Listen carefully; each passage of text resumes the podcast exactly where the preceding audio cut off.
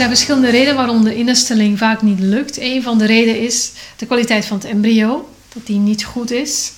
De tweede reden kan zijn dat het milieu waar de, het embryo moet gaan innestelen, dat dat niet optimaal is. Een derde reden kan zijn uh, stress en tekort aan progesteron door stress. En een vierde reden kan zijn dat er een, een immuunprobleem is, waardoor het embryootje afgestoten wordt. Nu om even terug te grijpen op uh, reden nummer 1. Reden nummer 1 is de kwaliteit van het embryootje. Dat hangt af van de zaadkwaliteit, van de eicelkwaliteit. Die, die vormen samen een embryootje. Dat moet oké zijn, die, die DNA, de versmelting daarvan. Hoe dat in elkaar zit met die kwaliteit eicel, zaadcel, leg ik uitgebreid uit in het, een ander filmpje. Ga daar even naartoe en kijk hoe je dat kan verbeteren. Een tweede oorzaak is het milieu van de baarmoeder. Dat moet optimaal zijn. Wat is optimaal? De baarmoeder moet de juiste temperatuur hebben. En wanneer heeft de baarmoeder niet de juiste temperatuur, of wat is de oorzaak daarvan? Dat is vaak dat de schildklier te traag werkt. En de oorzaak daarvan is heel vaak chronische stress. Dus chronische stress heeft ook invloed op het milieu van de baarmoeder. Waarom is die juiste temperatuur belangrijk? Bepaalde processen kunnen alleen maar gebeuren bij een bepaalde temperatuur. En als het te koud is of te warm, dan verlopen die processen niet lekker. En dan kan het ook einde verhaal zijn met de innesteling. Een ander heel belangrijk ding is eh, in verband met het milieu dat de juiste eh, beschermende stoffen ingebouwd zijn in, in het baarmoederslijmvlies. En dat hangt af van wat je eet.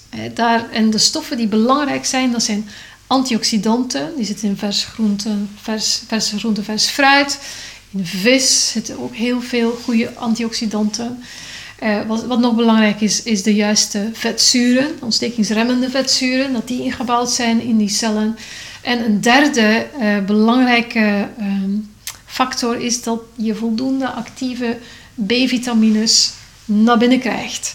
Om die celdelingen goed kunnen doorvoeren, verder kunnen doorvoeren. En een derde iets is dat die baarmoeder goed doorbloed moet worden. dus de temperatuur hangt daar ook een beetje mee samen. Iets wat goed doorbloed is, krijgt meer energie, meer voedingsstoffen, toxines kunnen beter afgevoerd worden.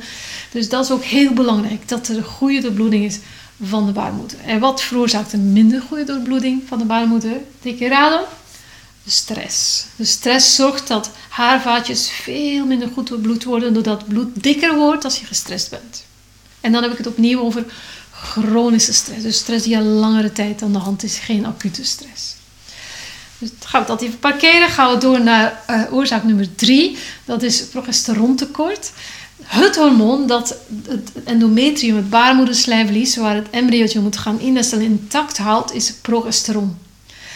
En progesteron is helaas ook het grondstofhormoon voor stresshormonen.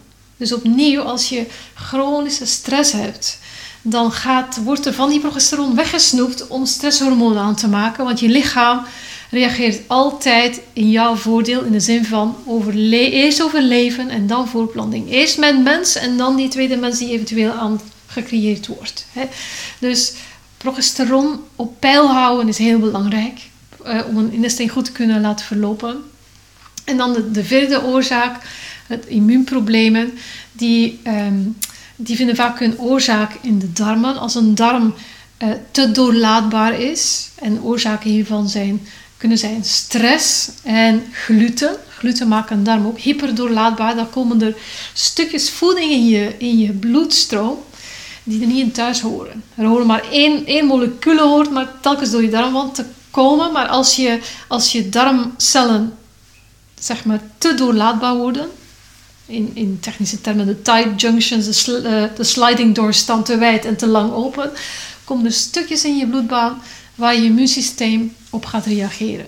En dan wordt het immuunsysteem overactief en is de kans veel groter dat het immuunsysteem ook gaat reageren op een embryootje dat probeert in te nestelen. Want een embryootje is toch voor 50% vreemd materiaal.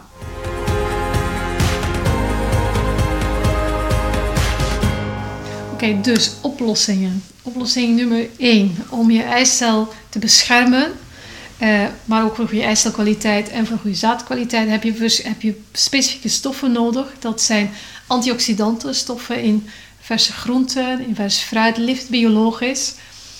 vis, wildgevangen vis, bevat ook heel veel antioxidanten die nodig zijn voor een goede innesteling. En vis bevat ook ontstekingsremmende vetzuren die ook super belangrijk zijn. En verder heb je actieve B-vitamines nodig, omdat die ervoor zorgen dat het embryootje goed kan blijven doordelen. Nu, ik weet dat heel veel mensen dit niet altijd via hun voeding binnenkrijgen en daarom werk ik altijd met het Suppel bijna zwanger pakket. Dat zijn, dat zijn drie potjes waar die drie nutriënten in zitten. Ehm, dan de temperatuur van je baarmoeder is belangrijk. Wat daarbij kan helpen is fertiliteitsmassage. Zorgt ook voor een betere doorbloeding, dus betere afvoer van uh, afvalstoffen, betere aanvoer van nutriënten. Uh, gaat ook de temperatuur uh, beter op orde brengen. Dus vlak voor een instelling, een, een fertiliteitsmassage is een, is een heel mooi iets wat je kan doen. En dan heb je progesteron, het progesteronverhaal. Opnieuw chronische stress. Dus chronische stress gaat niet alleen de temperatuur van je baarmoeder naar beneden brengen, doordat je schildklier dan een beetje in onderfunctie zit. Maar chronische stress gaat ook progesteron wegsnoepen van je, van, van, van je lichaam. En die progesteron houdt net dat endometrium intact. Die zorgt ervoor dat je geen menstruatie krijgt. Dus chronische stress aanpakken is echt een hele grote. En in een eerder filmpje heb ik het uitgebreid over de rol van vruchtbaarheid. Dus kijk daar even naar wat je praktisch kan doen om die chronische stress zeg maar, eh, af te schakelen. En dan de immuunproblematiek. Als je weet van jezelf dat je last hebt, vaak last hebt van je darmen, dat het niet lekker loopt met je stoelgang, ehm, dat je vaak heel moe bent, dan, dan is het echt zaak om daarnaar te gaan kijken. Ik stel voor onder invloed van een therapeut, boek eventueel een één op één. En wat je zelf al kan doen, is een keertje koemelkproducten uh, uit je dieet schrappen. En vooral gluten, omdat die je darmen hyperpermeabel maken. Dus dat kan ook heel erg helpen om het immuunsysteem tot rust te brengen. Samen opnieuw met chronische stress afschakelen. Want stress gaat je darmwand ook hyperpermeabel.